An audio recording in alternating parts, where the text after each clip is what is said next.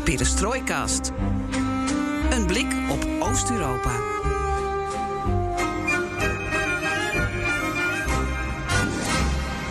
Welkom bij BNR Perestrooikast, aflevering 129 van de enige podcast van Nederland die volledig oog voor het oosten heeft en geeft. Uh, als ik achteraf eraan terugdenk, denk ik dat het een, een, een, een, een bijna een, een, een, een, automatische poging is geweest om een soort van of een schijn van controle en grip te krijgen op de werkelijkheid, wat naar mijn gevoel in één nacht compleet anders was geworden. In deze aflevering geen hard oorlogsnieuws of een andere laatste stand van zaken in Oekraïne en Rusland. We richten ons tijdens de oorlog in Oekraïne op podcastafleveringen die dieper ingaan op het nieuws. In deze aflevering het persoonlijke verhaal van de Russische Jana Smirnova, woonachtig in Nederland. Over haar onmacht aan het begin van de oorlog, haar gebroken relatie met een vriendin, haar nichtje die zich in Rusland uitspreekt tegen de oorlog, over Poetins lange arm en hoe kun je Rusland in Rusland de hand reiken. En Joost is er met een mop. En de vraag is natuurlijk of Jana als Russische Joost zijn mop snapt. De ultieme test eigenlijk. Opnieuw hoor je in deze aflevering helaas geen Geert-Jan. Geen zorgen, we hebben geen ruzie. Hij is niet ziek. Sterker nog, we hadden in Utrecht onlangs een mooi baganaal. Hij geniet nog even van zijn vakantie en is er de volgende aflevering weer bij. Denk ik. Hoop ik. En je weet het inmiddels, alles ten oosten van de rivier de Elbe kan de komende weken, maanden, jaren in deze podcast worden besproken. En wat leuk is, is dat we heel sociaal en democratisch zijn. En dat je ideeën kunt inbrengen via Twitter, het Perestrooikast, of mail ons op perestrooikast.bnr.nl. En daar doen we nog wat mee ook. Ik ben Floris Akkerman en dit is BNR Perestrooikast.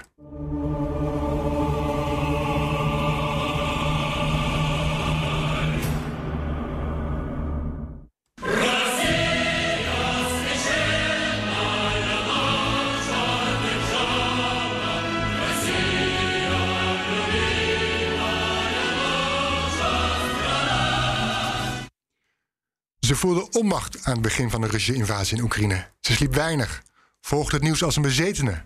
Jana Smirnova had plaatsvervangende schaamte, want een broedervolk werd en wordt aangevallen.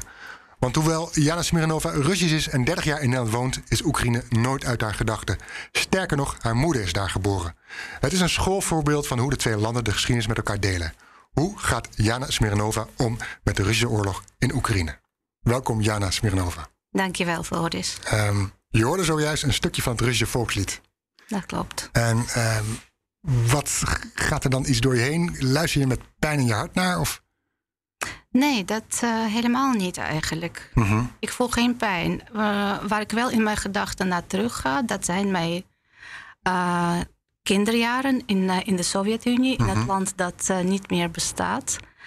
En uh, de volkslied was eigenlijk dezelfde in die -hmm. tijd. Alleen de, de woorden, de tekst, uh, die, die waren anders. Dus ja, de, de, muziek is hetzelfde. De muziek ja, is hetzelfde. De tekst is volledig uh, geschreven in het begin van deze eeuw. Dus het is een, een, een oud verhaal in een nieuw jasje. En dat staat voor mij ergens symbool voor um, waar Rusland telkens naar terugkeert. Een poging om, om iets te creëren uh, in een oud jasje. Iets uit, uit niet iets maken en dan uh, dat, dat, ergens voor staan. Dus een, een, een, een, een niet bestaand iets. Mm -hmm. En uh, die kinderjaren, is het dan dat je denkt van... we waren mooie jaren? Of zie je jezelf spelen buiten? Of... ik zie mezelf zeker spelen buiten. Um, en waar was dat? Ik, uh, dat was in, uh, in Voronezh, in -huh. een stad in, uh, in Centraal Rusland. Mhm. -huh. En wij zeggen in Rusland altijd vlak bij Moskou. En je weet waarschijnlijk dat de afstanden tellen wat anders dan, dan hier in Nederland. Dus vlakbij Moskou is 550 kilometer ja. naar het zuiden. -huh. Dus wat tegenwoordig een grensgebied wordt genoemd met Oekraïne. Ik denk, uh, als ik eerlijk ben, dat, uh, dat er weinig kinderen zijn, behalve kinderen die echt ellendige dingen um, hebben meegemaakt, uh, die niet met een bepaalde weemoed kijken naar hun kinderjaren. Dus um, ook ik leefde in een magische wereld waarin veel kinderen leven met sprookjes en avonturen. wat er wel aanwezig was, dat is altijd um, telkens opduikend sausje van Sovjet-symboliek, retoriek. Uh, ook in het uh, alledaagse.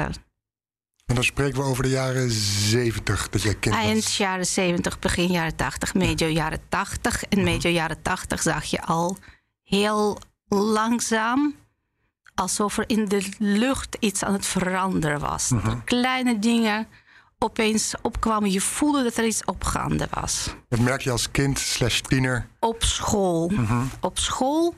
En dat zat in hele kleine dingen. Wat, als ik terugdenk aan, aan, eh, aan, de, aan mijn jeugd, is één sentiment, één gevoel wat eigenlijk doorslaggevend was.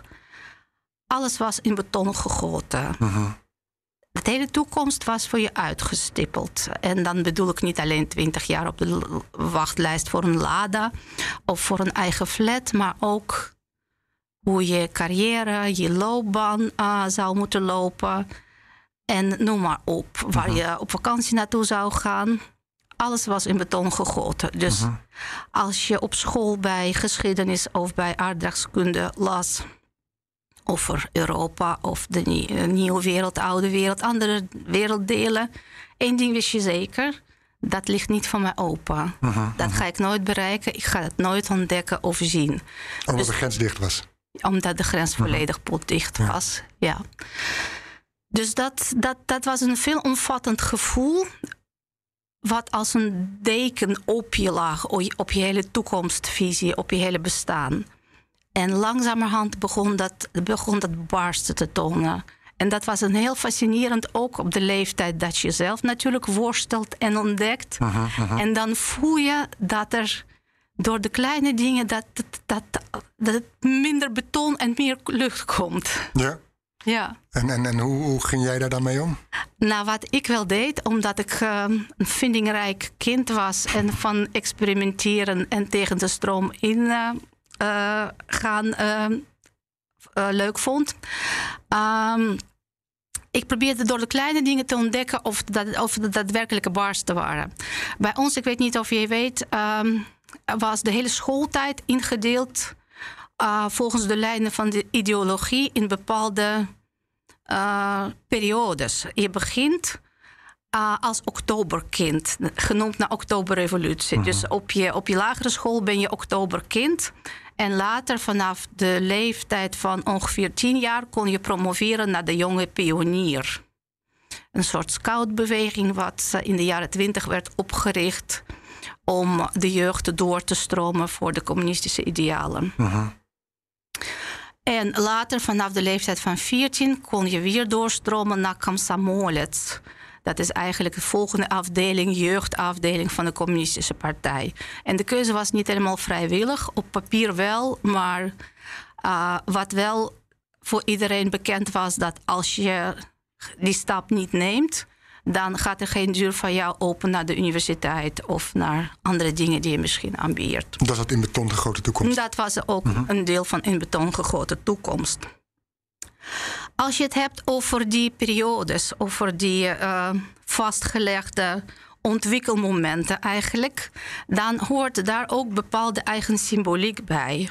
En bij Oktoberkind uh, waren we verplicht om een speeltje van de jonge Lenin te dragen. En op, later werd het vervangen door Lenin, speeltje van Lenin uh, die geen kind meer was. Uh-huh. En op de leeftijd van 14 begonnen ze om te wisselen. Uh-huh. En uh, normaal gesproken, uh, eigenlijk mijn hele lage uh, schoolperiode, stonden mensen bij de ingang van de klas die aantal dingen controleren. Of je nagels schoon en, en kort genoeg eh, geknipt waren, of je geen oorbellen droeg, want dat was bourgeois. Uh-huh. Natuurlijk kapitalistisch en niet, niet passend bij, bij de bescheidenheid van de Sovjetburger. Maar ook die speeltjes en of, je, of je halsdoek wel goed zat, et cetera. Uh-huh. En opeens stonden ze daar niet. Uh-huh. En toen was ik 14 of 15. En niemand zei er wat van. En, en, het is alsof niemand dat opmerkte. Maar ik deed het wel. En ik kon het niet verklaren. Maar stukje bij stukje, als je begrijpt wat ik bedoel, werden de dingen naar de, naar de achtergrond. Ver, verdwenen dingen naar de achtergrond. Dus er was iets in de lucht wat ik niet kon duiden. Uh-huh, uh-huh. Maar je voelde wel. Dat waren de nadagen. Je ja, voelde ja. dat er iets op handen was. Dat er opeens ja, minder controle was, meer lucht. Ja, ja. Uh, een ander voorbeeld uh, is dat uh, een verplicht vak, en toen was ik al jaren 15, 16, was de basismilitaire voorbereiding, zowel voor jongens als voor de meisjes.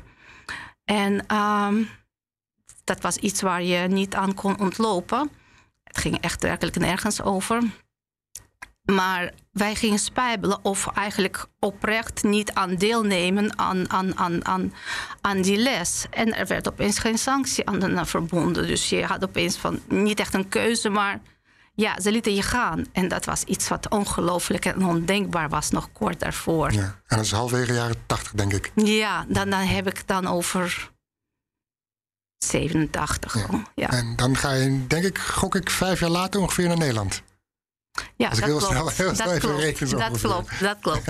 In 92. Ja. ja, ja. Um, als student dan? Als au pair in de eerste instantie. Ah, als au pair. Als au pair, ja. Want je zag een advertentie of hoe ging nee, Nee, omdat mijn ouders beide op de universiteit werkten... en veel connecties hadden in het buitenland... wat toen wel heel erg bijzonder was. 1992? Ja, en daarvoor... Um, uh, hadden ze dus veel contacten en ze waren bereid om mij te helpen om uh, naar het buitenland te gaan. In de eerste instantie was het een makkelijke ingang als au pair. Mhm. En een van de oud-studenten van mijn moeder, um, die later Moskou-correspondent uh, werd, Bert Mhm. Lanting voor de Volkskrant. Ja. In, in zijn gezin kwam ik terecht. Dus mooi. eigenlijk via, via de kennissen van mijn moeder, Ja. de oud-studenten. En nooit meer teruggegaan. En nooit meer teruggegaan. Oké. Ja. Uh, dus nu zit je hier, 30 jaar later, in, Ja. uh, in, Ja. in- bij Perestrojkast. Uh, een, een naam die het verband heeft met die ontwikkeling in de jaren 80. Uh, en ik sprak je aan het begin van de oorlog, eind februari, begin maart, voor Trouw, voor een artikel over hoe Russen in Nederland tegen die oorlog aankijken. En toen vertelde je dat je ja, dat van slapen weinig terecht komt. Hè? Je volgde het nieuws op de voet, op sociale media probeerde je alles te volgen. Je vertelde daar had je echt een dagtak aan. En waarom deed je dat? Um, als je mij toen die vraag had gesteld, dan was mijn antwoord waarschijnlijk geweest omdat ik niet anders kon. Mm-hmm. En op dat moment voelde het ook zo. En nu achteraf, uh, als ik achteraf eraan terugdenk, denk ik dat het een, een, een, een, bijna een, een, een, een automatische poging is geweest om een soort van of een schijn van controle en grip te krijgen op de werkelijkheid, wat naar mijn gevoel in één nacht compleet anders was geworden. Mhm.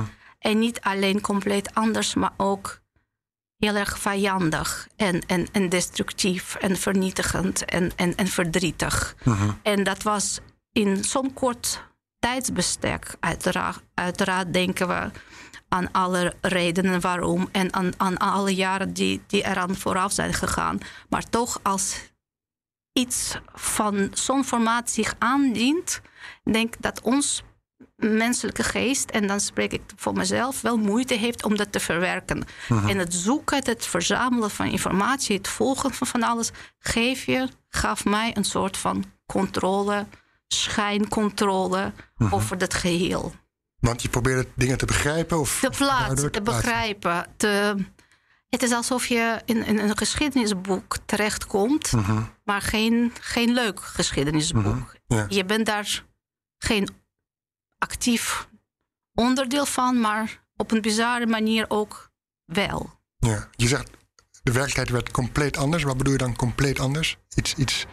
Um, wat me bijstaat is dat iemand anders in dat artikel wat je schreef, uh, de woorden uh, sprak die ik heel treffend vond. Uh, opeens staat mijn land niet aan de goede kant van de geschiedenis. Ja. En ik, ik ben me bewust dat het voor een Nederlandse oor wellicht wat hoogdravend klinkt. Ja, zij, als ik even mag inbreken, zij legde het uit. Ik had uh, drie personen gesproken. Eentje daarvan legde het uit vier, geloof ik, drie of vier. Eentje legde ervan, wij zijn eigenlijk altijd opgegroeid in de hele geschiedenis, in de Sovjetgeschiedenis, in de Russische geschiedenis, dat wij Russen aan de goede kant van de geschiedenis staan, want we hebben Nazi-Duitsland verslagen. Daar zijn we, daar krijgen we films over te zien, dat wordt nog steeds gevierd, dat wordt, daar is een bepaalde trots op. En dat werd in die nacht werd dat beeld omvergeworpen. Ja. Klopt dat zo? Of bij jou ook? Um, nou, ik denk dat er twee gebeurtenissen waren die die deels uiteraard zo ontzettend belangrijk zijn geweest. En aan de andere kant ook werden, zo werden gepresenteerd. En later ook uitgebuit. Dat is inderdaad uh, de overwinning op de Nazi-Duitsland.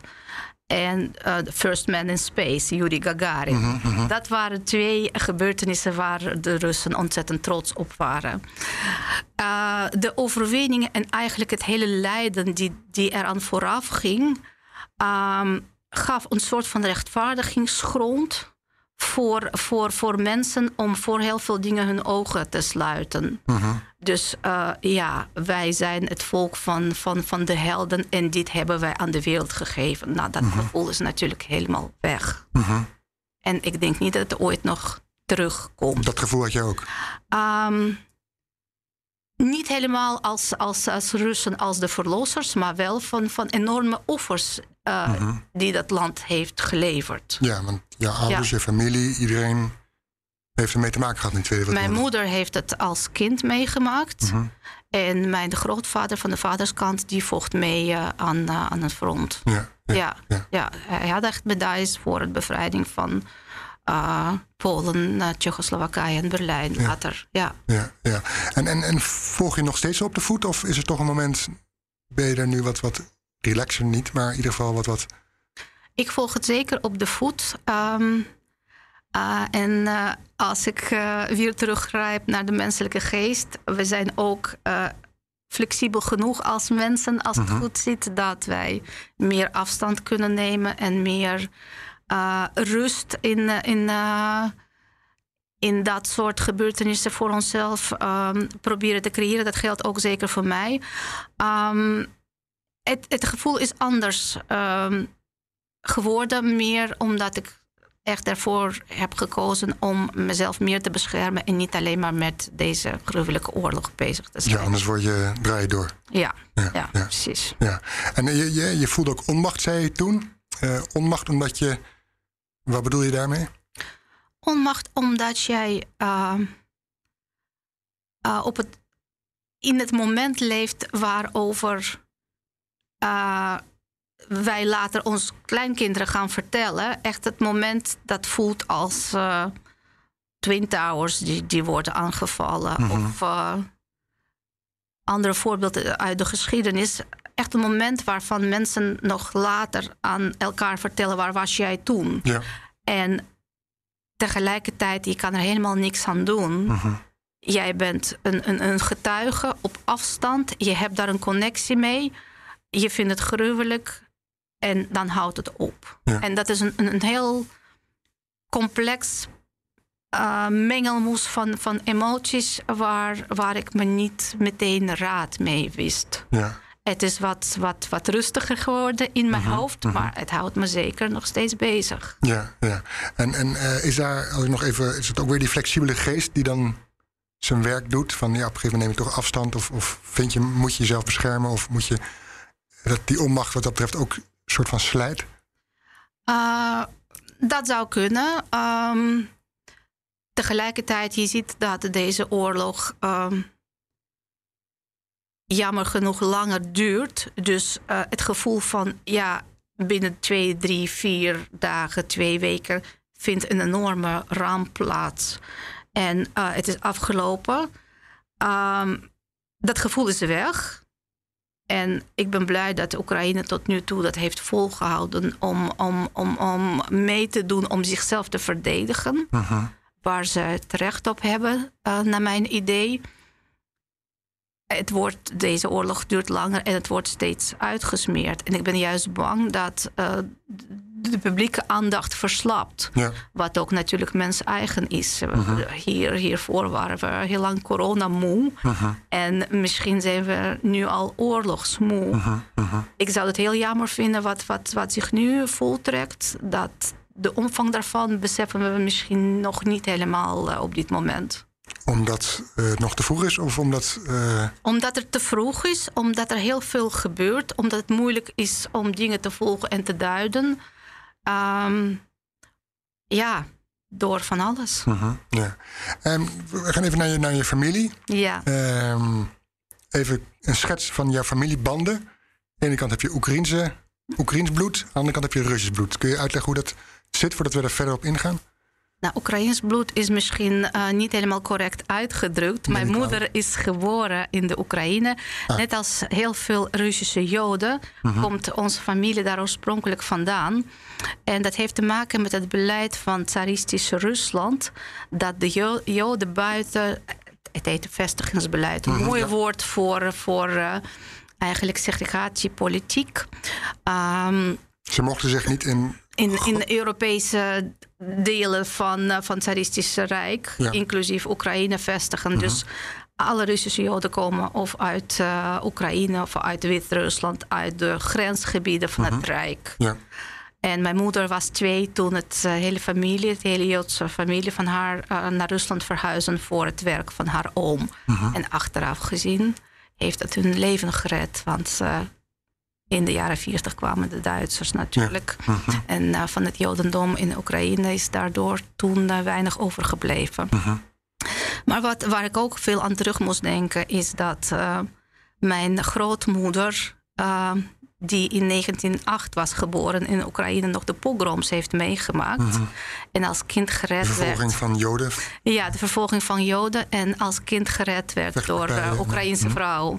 Ze heeft bij haar, met haar broertje en zusje in de kelder gezeten. Dus uh, het is heel complex. En uh, alles komt terug eigenlijk als je de, zelfs de, de plaatsnamen hoort of leest van Oekraïnse steden. En denk, ja, waar hebben mijn voorouders gewoond? En is het nu een bezet gebied? Hoe zit het daarmee? En waar hebben ze gewoond? Wat, wat daar... Zij hebben uh, gewoond ook aan de Azovmeer in het zuiden. Uh -huh. Volgens mij is het nu deels um, bezet gebied. En um, mijn grootmoeder heeft geneeskunde en farmacie in Kiev gestudeerd -huh. aan de Universiteit uh, van de hoofdstad. Ja. ja. Dus dat, dat is je moederskant? Ja, dat is mijn moederskant. En, en je vaderskant? Mijn vaderskant is volledig uh, Russisch. Uh -huh. Ja. ja. ja. En volledig Russisch. Je hebt daar, en dat bleek nog dat jij daar familie hebt zitten. Uh... Ik heb sowieso heel weinig familie in, uh, in Rusland nog. Ik -huh. heb een deel van, van mijn familie in Israël en nog wat familieleden in, in Rusland. Maar ik stam uit een hele kleine familie. -huh. Hoe, hoe, hoe, is dat? Ja, dat contact met, met. Heb je nog, als ik goed heb begrepen, een nichtje in Rusland? Ja. Daar heb je goed contact Twee mee? Nichtjes. Twee nichtjes. Daar heb ik goed contact mee. Ja, ja. Hoe gaat dat contact nu? Ja, met één nichtje um, is het contact uh, um, extra oppervlakkig uh, geworden. Met een andere nichtje is het contact uh, juist heel intens. -huh. um, ja. Ja, als we kunnen kijken even naar het nichtje waarmee je oppervlakkig hebt. Wat bedoel je daarmee? dat het onderwerp wordt vermeden. Omdat zij voor de oorlog is of voor de Russische invasie is? Of? Dat gevoel heb ik niet, maar um, dat is een fenomeen wat ik uh, al een aantal keer heb meegemaakt met mensen. Um, even een, een, korte introductie. In de, in, de, in de heftige begindagen gebeurde iets raars. Mensen gingen elkaar veel appen. Um, via social media contacten weer leggen. Ook met mensen die ze daarvoor heel lang niet hadden gesproken. Ik heb het ook gedaan. Ook met mijn twee vriendinnen uit de lagere school. Uh -huh. Een soort van gevoel, er komt iets op ons af. Een lawine. En we moeten iets mee met, met, een paar dingen. Zeker toen het bericht kwam dat Facebook zou worden geblokkeerd. En mensen haastig Telegram gingen installeren. Dus um, we hebben even kort uh, contact met elkaar gehad met een uh, nichtje. Uh, die heel oppervlakkig is geworden. En ik heb laten weten dat wij voorlopig, en voorlopig kan erg lang zijn, elkaar niet zien omdat we niet naar Rusland komen. Ja, ja. Maar het is niet zo dat het nichtje dat je daar gebrouilleerd mee bent omdat ze. Nee. nee, nee. nee. Hoe, hoe zit het dan met vrienden van vroeger, schoolgenoten, klasgenoten? Nou, ik heb zojuist met uh, over twee vriendinnen uh, van mijn lagere school, met wie ik uh, minstens 30 jaar lang en zelfs langere contact wist te behouden. Dus -huh. de vriendschappen waren best diep, naar mijn Mhm, -huh, idee, en, en, al heel oud. En um, kijk, ik, ik was, misschien ben. Um, niet een goede gesprekspartner uh, uh -huh. toen wij het contact hadden. Want ik, ik zat vol woede, onbegrip. En hoe, hoe kunnen jullie, jullie dat uh, ehm, volstaan. En, en ehm, ik stuurde zelfs uh, de, de, de krantenartikelen die ik dan las in, in, in de restjes van onafhankelijke media in Rusland. En um, ze stonden daar beide niet open voor. Eén reageerde meer vanuit ik denk of angst of, of afstand of een combinatie van beide. Van wij houden van jullie en hopelijk zien we elkaar nog in een, uh, in een wereld die meer rustig is geworden. En de andere kwam met, met, met propaganda onzin. En uh, toen uh, heb ik heel snel het contact gestopt. Ja. Ik heb haar als het ware geparkeerd. Ik heb haar niet geblokkeerd, maar ik was niet in staat en nog steeds niet om met iemand die ik heel lang ken, die de ideeën uitdraagt, die ik afschuwelijk vind om, om, om het daarover te hebben. En het niet daarover te hebben, kan ik ook niet. Ja, want jij, hoe, hoe gaat het dan? Jij stuurde iets vanuit. Ja. Uh, de Nederlandse kant lijkt me lastig, maar uh, een, een onafhankelijke media. Ja. Wat liet je aan haar zien? Ja. En dan reageerde zij erop met van, nee, het is anders? Met het is anders. En uh, ja, uh, jij ziet het waarschijnlijk niet, maar we worden gekoloniseerd door de EU of de NATO staat aan de voordeur. En, uh -huh. en dat soort uh, kolde retoriek natuurlijk. Ja. En ik herkende haar helemaal niet, want zij was altijd nuchter en rationeel. En dat zelfs zij daarmee kwam, dat, dat, daar kreeg ik wel kippenvel van. Dat, dat vond ik, toen begreep ik pas de omvang van en zij is van mijn leeftijd. Ik bedoel, zij is geen gepensioneerde in de tachtig die uh-huh. alleen uh, nee. de krant de waarheid leest. ja. Dus uh, dat, dat was een hele rare gewaarwording. Ja. ja. Zag, zag, je zag niks aankomen, je zag niks gebeuren nee. in de aanloop. Nee. In de afgelopen nee. jaren, ook niet toen de Krim werd ingenomen. Um, Nee, ik, ik, vermoed dat zij dat had toegejuicht. Maar uh-huh. dat, dat gold voor heel veel mensen. Het was voor mij ook een soort van een scheidingslijn. Minder, minder sterk zoals nu. Want de Krim was toch een ander verhaal. Um, ik vond het. Uh, de massahysterie was toen van, van ongekende omvang. Dat was, je moest een hele onafhankelijke geest hebben om daar niet aan mee te doen als inwoner van Rusland. Toen met de Krim? Toen met de Krim. -huh. Dus ik heb het niet met haar daarover gehad.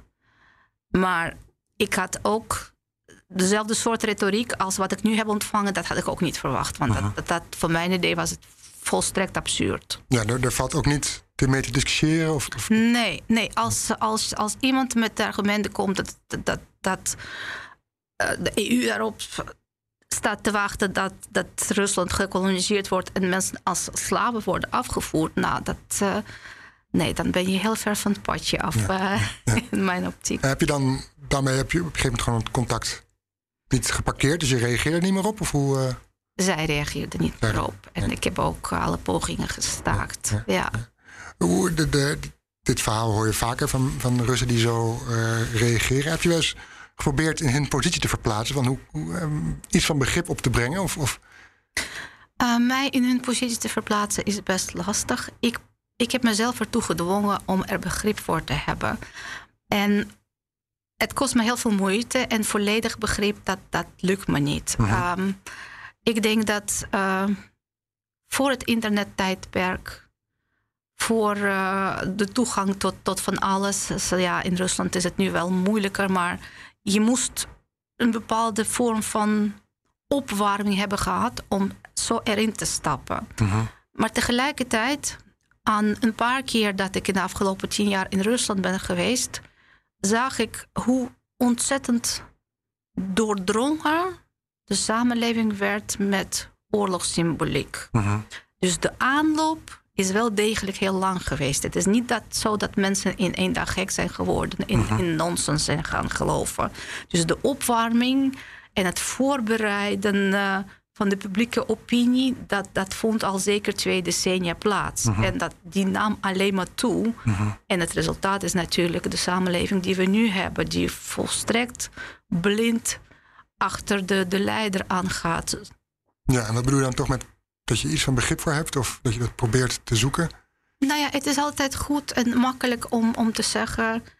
Um, ja, ik had het anders gedaan. Dat, dat hadden we natuurlijk in Nederland. Als we het, en iedere vergelijking gaat mis, uiteraard. Maar als we het hebben over eh, de jaren van de bezetting. Hoe ontzettend goed is om, om ontzettend makkelijk is om te zeggen: ja, ik, ik was toen in het verzet uh, gegaan en ik had dingen anders gedaan en ik had me anders geprofileerd.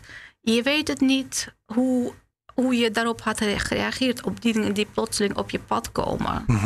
Dus ik probeer dat wel het lukt me wel slecht. Mhm. Ja. Ja. Omdat het, omdat het, naar mijn idee, het gaat alle perken te buiten.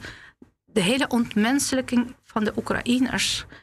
Er is geen haar op mijn hoofd die daar begrip voor kan hebben. Mhm. En als weldenkende mensen daar uh, zich over uiten, ja, ik, ik kan het niet volgen. Nee, nee, nee. Dat, en, en dan, dan heb je dus je nichtje, waar je dus mee eh, twee nichtjes. Eentje Mm. is oppervlakkig, of in ieder geval Ja, hou je ja. een soort van afstand tot, Ja, als ik het klopt. goed begrijp. Klopt. Ehm, dus daar, daar heb je het over koetjes en kalfjes mee. Voor de goede vrede. Ja. En dat voelt niet gek? Nee, het voelt niet gek, omdat ik daarvoor al niet te diepgaande gesprekken met haar had. Mhm. En ik wil haar behouden, omdat ik al zo weinig familie heb. Ja. En eh, ik, ik koester toch een soort van hoop dat ze ooit ontwaakt. ja, ja, ja. Ja. En, en met nichtje heb je dus intensief contact. Heel intensief. En ja. dan gaat het, ja, dan zitten jullie op gelijk, eh, gelijke denkwijze, om het zo te zeggen. ja, en dat ik vaak afsluit eh, door mijn hoofd, hoop uit te spreken dat ze de volgende keer als ik haar probeer te contacteren niet achter de tralies zit. Want zo'n type is dat wel. Ja, want, want Nou, ze heeft meegedaan aan demonstraties en Mhm. Eh, op allerlei manieren eh, dingen proberen te steunen waar de overheid in Rusland niet blij van wordt. ja, ja. Ik ga daar niet uitgebreid eh, op in, omdat zij anders misschien traceerbaar wordt. Ja, ja dus zou ik, zij zei, je kan niet zeggen waar ze woont waarschijnlijk, of dat wil je niet. Nee, Maar ze woont nog wel in Rusland. Ze heeft Ja, het idee van ik moet weg. zeker. Ze heeft zeker een idee, ik moet weg. Mhm. Ja, ja, ja. Wat ze om, om, om haar heen ziet, ook bij de organisatie waar ze werkt en waar je wel weldenkende mensen verwacht. Ah, en de bewijzen daarvan die ze mij stuurt, dat, dat boezemt mij en haar helemaal heel veel angst in. Want dat zijn gewoon weldenkende Russen die achter Poetin staan. Ja, en achter de, de, de volstrekt eh, fascistische retoriek. Racistische retoriek. Fascistische. Fascistische retoriek. Ja, Richting Oekraïne. ja, Ja. ja. En dat, dat wordt dan gewoon daarover op haar werk over gesproken? Of, of Ja, dat? gedeeld in, in de groepsapp eh, tussen collega's. Hm. Ja. ja, je ziet ook die. eh, ehm, ik stuurde een foto op, op het theater van opera en eh, ballet. Mhm. Die helemaal versierd werd met de Z-symbool. Mhm. Wat eh, symbool natuurlijk staat voor deze oorlog. Mhm. En dat zie, zie je nu overal in Rusland. Ja, ja. Dus ja, je, wordt er, je ontkomt er niet aan. Je ontkomt er niet Nee. aan. En, maar, en binnen je familie, die is dus vrij klein. ehm, dan heb je ook nog je vaderskant. Eh, eh, Van mijn vaders kant leeft niemand meer. mm, mhm. Ja, Dus je hebt alleen je moeder. En je moeder woont nu in Nederland. Nederland. Ja. En eh, heb je verder nog andere familieleden? Alleen die twee nichtjes in Rusland? En verder, Ik heb nog een broer die Hm. ik eh, eigenlijk niet meer spreek. waarom niet? Uh, onze contacten waren eh, daarvoor al moeizaam. Mijn broer is eh, slechthorend. Mhm. Dus eh, eigenlijk eh, konden we alleen via de mail met elkaar contacteren. En veel ve- via Facebook. Mhm. En Facebook bestaat natuurlijk niet meer in Rusland. Er is nog een omweg om, om die, die blokkade te omzeilen. Maar mijn, moeder, mijn broer nam niet de moeite om, om eh, die omweg te nemen. Dus eh, het contact is eh, opgedroogd. Ja, want heeft het ook te maken met dat hij het anders ziet? De oorlog of niet? Of is het Ehm, menselijk iets dat zo contact op een gegeven moment gewoon opdrogen? ja, dat heeft te maken met het feit dat we eigenlijk al heel lang geen onderdeel meer maken van hetzelfde gezin. Mhm. En dat wij ongeveer ook in niks op elkaar lijken. En ja, Ja, ja. ja. Ehm, Ik weet niet of je hebt gelezen. In het uh, Financiële Dagblad stond begin deze maand een artikel met de kop, uh, in ieder geval op de website, uh, Russische lange arm intimideert diaspora. Dat ging over Russen in Nederland die worden gebeld met de vraag aan welke kant sta jij? En dat zou een loyaliteitstelefoontje zou worden gepleegd door iemand van de Russische overheid.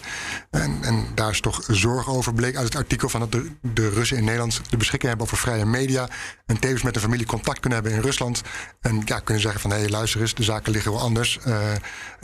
Uh, en en uh, daar zijn de Russen bang voor dat, of Moskou bang voor dat dat invloed heeft op, op hun denkwijze. Um, ben jij gebeld? Nee, ik ben niet gebeld. Nee, ze hebben jou over het hoofd gezien? Ja, waarschijnlijk. en als, als ze hadden gebeld, wat had je dan gereageerd? Um, ik denk dat het in de eerste instantie met stomheid geslagen zou worden. En mm -hmm. dan um, goed zou doorvragen naar, naar de rechtsgrond van deze actie. Want ja, uh, ja uh, wie bent u en van welk huis komt u om mij. Uh, om in mijn persoonlijke levenssfeer te treden en mijn voorkeuren of sympathieën of antipathieën te vragen. Ja. Ver, ver, ver, ben je verbaasd over zo'n bericht? Of, of past het in? Niet helemaal. Ik bedoel, ik ken concreet geen mensen die zijn gebeld. Maar zo nu en dan las je in de kranten natuurlijk over de lange arm. En dat uh, de Russische overheid grip probeert te krijgen. Het, het, geldt volgens mij niet alleen voor de Russische overheid, maar voor, ook voor andere autoritaire staten, zoals uh -huh. China of Pakistan. Uh -huh. Dus die, die, of Iran, die grip proberen te houden op de onderdanen als een soort van vijfde kolonne. Ja. Ja, dus het, het, past wellicht wel in, in het beeld, in de strategie van, uh, van de politiestaten. Ja. Ben je zelf bang voor die lange arm van Poetin? Dat die op uh, jouw een of manier. Nou ja, niet, niet direct bang. Ik denk dat, uh, dat zij meer interessante mensen in het vizier hebben. Dat ik niet als eerste aan bod kom. dat ik, ik ben ik lig daar niet wakker van, laat ik dat nee. maar zo zeggen. Maar je gebruikt wel woorden als oorlog. Je bekritiseert wel ja. uh, het ja. optreden ja. in, in. Oekraïne. Dat zijn, als je in Rusland woont, uh, staan daar celstraffen op van maximaal 15 jaar. Dat klopt. Um, da daar ben ik me bewust van. Dat is ook mm -hmm. de reden dat ik mijn bezoek aan mijn familie in Rusland helaas niet meer moet overwegen onder dit regime. Maar, maar dat, zou, dat zou. Zet op Russische grond? Ja, ja dat, uh, en dat voelt heel gek. Die, die gedachte dat ik na 30 jaar in dit land opeens in, in, in, in zo'n positie ben beland. Maar ik laat me niet intimideren van dichtbij of op afstand. Uh, door de Russische overheid. Het zou heel gek zijn als uh, ik bij alles wat ik doe en waar ik sta en waar ik ga en wat ik uh, uit. achterom moet kijken of, of de arm van de Kremlin niet nabij is. Dat, dat, dat, daarvoor ben ik niet weggegaan uit, uit Sovjet-Unie 30 jaar geleden. Ja, daarvoor heb je toch toen ook al dat je opstandig was of keek van uh, hoe kan het anders? Exact. exact. maar dat betekent wel, ja, je kan niet dan naar Voronezh waar je vandaan komt. Je kan nee, niet nee. Uh, je, je, nee. je, je, vrienden uh, of, ja, ja. je, ja. grond. Ja, het is, kijk, het is niet zo dat, dat ik heel erg wakker lag aan, aan het bezoek aan mijn geboortestad. Maar alleen het, het besef dat je niet door de straten kan lopen waar je als kind hebt gelopen, dat doet iets met je. Dat Mhm. het gewoon op dit moment een afgesloten hoofdstuk is. Ja. Dat, dat vind ik wel pijnlijk. Ja.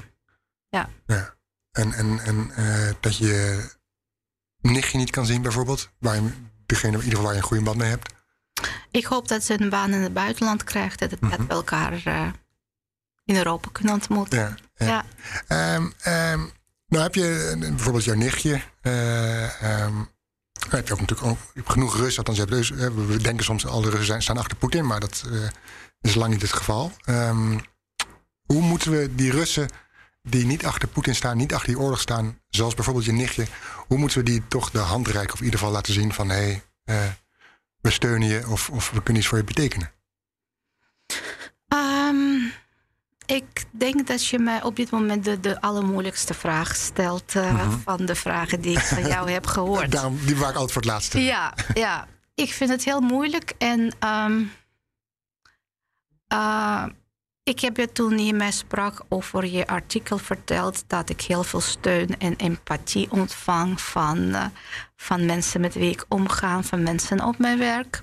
Hier in Nederland? Hier in Nederland, van mensen die ik toevallig uh, spreek of die mij bij iedere aangelegenheid vragen waar ik vandaan kom. Of uh-huh. als ik mijn hoogbejaarde moeder naar een medisch specialist moet brengen en het gesprek uh, toevallig komt daarop het algemeen gevoel is dat het geen oorlog van de Russen is. Uh-huh. En uh, nu deze oorlog langer dan drie maanden duurt.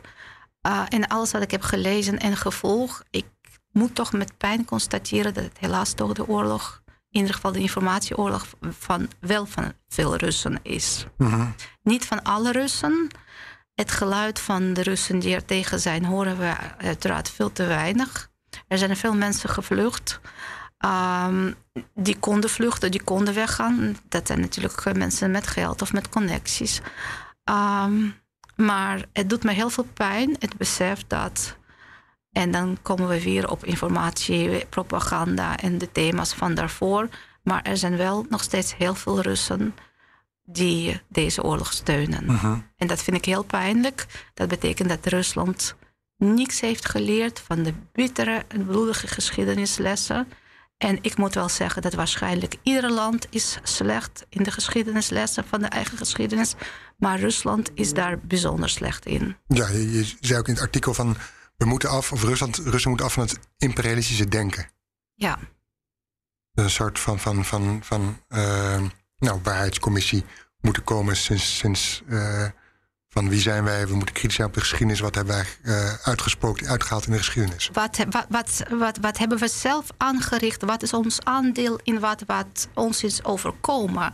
Want dat, dat nationaal beeld van nu, we zijn eigenlijk een, een heroïsch slachtoffer. Dat, mhm. dat, heroïsche slachtofferschap, dat is natuurlijk funest voor, voor, voor, voor, voor je ontwikkeling als samenleving. Uh en dat, dat is een, een jas die je hebt aangetrokken en die je eigenlijk um, rechtvaardig van wat je ook aanricht. Je hebt, een, je hebt morele superioriteit Omdat vanwege je... je glorieus verleden. Uh En dat, dat, dat is een afschuwelijke gedachte. Ja.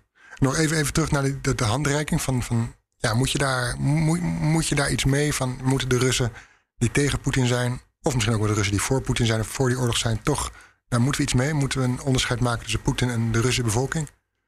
Ik denk dat die onderscheid zeker belangrijk is en dat die nu al wordt gemaakt. In, op dit moment gaan mijn gedachten voornamelijk naar de Oekraïners uh-huh.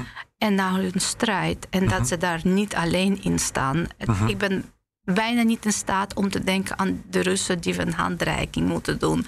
Ik denk dat het misschien een zorg voor later is. En mensen die ons opzoeken en die zich uitspreken tegen deze gruwelijke oorlog, die moeten we uiteraard niet laten vallen. Dat verdienen ze niet. Oké. Dankjewel, Jana Smirnova, voor je verhaal. Ik wens je het allerbeste. Graag gedaan. Heel veel dank, heel veel dank. En dan weet ik niet, heb je nog tijd om de mop van Joost Bosman uh, uh, te volgen? Even kijken of hij vanuit Moskou... Hij zit in Moskou. Zeker. Uh, of hij al zover is, hoor. zet hem even op pauze. Uh, laten we het zien. Ja. We gaan het zien. Dag, dan uh, start ik nu de band. Ja. Joost, Bosman, Moskou. Ja, hallo. Ben, ben je nog hier Amsterdam? Hoe gaat het? Ja, eh, Amsterdam, gegroet.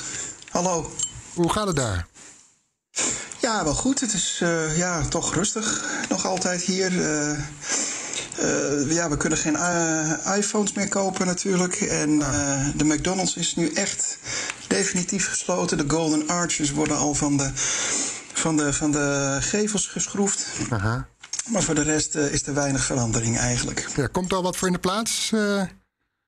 In plaats van McDonald's nou, en Russische variant? Dat, er is een, uh, nou, er is een, een gerucht dat McDonald's -huh. zelf een nieuwe keten gaat openen onder een andere naam.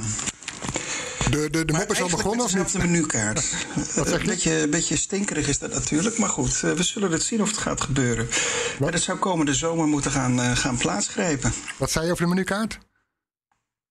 Dat die ongeveer hetzelfde is. Ah, oké. Want volgens mij was, waren we op de, op de cremaatje in Sevastopol, als ik me niet vergis. Uh, of ergens. Simferopol. Ja, volgens mij of daar. Ja, daar hadden ze ook de McDonald's, uh, was daar ook vertrokken. En daar kwam toen ja. ook iets voor in de plaats. Maar ja, alles zag er nog uit als de McDonald's. Ja, ja, maar goed, dat was wel echt Russisch. Dat is naast het station in uh, Simferopol. Ja, ik ken het, ja. ja. Maar goed, uh, ja, dit wordt echt een, een, een, een, heb ik begrepen, als het doorgaat, als het waar is, een, een echte ja, McDonald's-kloon, zeg maar. Alleen mm -hmm. van McDonald's zelf. Ja, en je komt altijd met je mop en Geert-Jan en ik, die begrijpen er nooit wat van. Uh, van oh ja, nee. moppen. En nu heb ik dus, nee. hebben we dus een gast in huis, Jana Smirnova. Um, ja, die moet jouw moppen begrijpen. Dus hoewel ze al 30 jaar in Nederland woont, dus misschien is ze wel zodanig vernederlandst dat ze haar, gevoel, haar Russische gevoel voor humor kwijt is geraakt. Dat zou ook kunnen. Um, ja. Uh, dus ja, ik weet niet wat voor mop heb je. Denk je dat dat uh, is, is een beetje te volgen voor, voor ons of niet?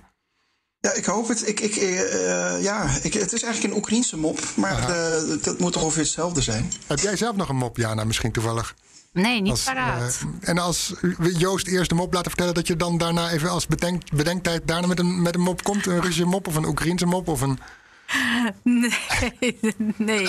Ik denk niet dat ik er een... Een... dat hij net veel leuker is. dat, dat, dat moet haast wel. Ja, ik, ik hang alweer op hoor. Nee, nee, nee, nee, nee. Kom maar door. Of heb je nog een, uh, iets anders, een leuke Moskouse roddel te vertellen? Oké. Okay. Nee, nou, er is een uh, Oekraïense uh, militair uh, wordt in krijgsgevangenschap gehouden, wordt gevangen genomen door het Russische leger.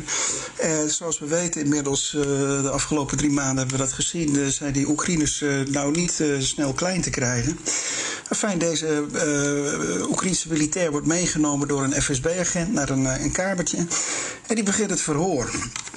Zijn eerste vraag is: uh, wat is je naam? Er vallen meteen klappen. Wat is je eenheid? Van welke eenheid die je? Waar kom je vandaan? Weer klappen. En hou op met me te slaan als ik je wat vraag.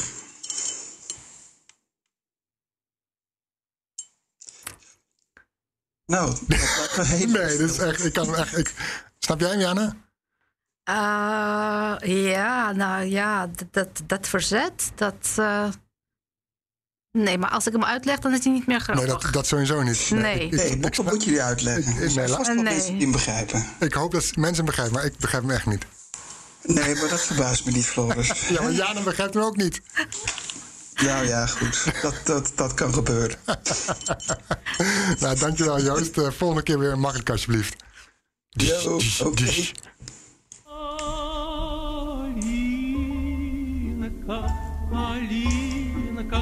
малинка моя, в саду ягода, малинка, малинка моя.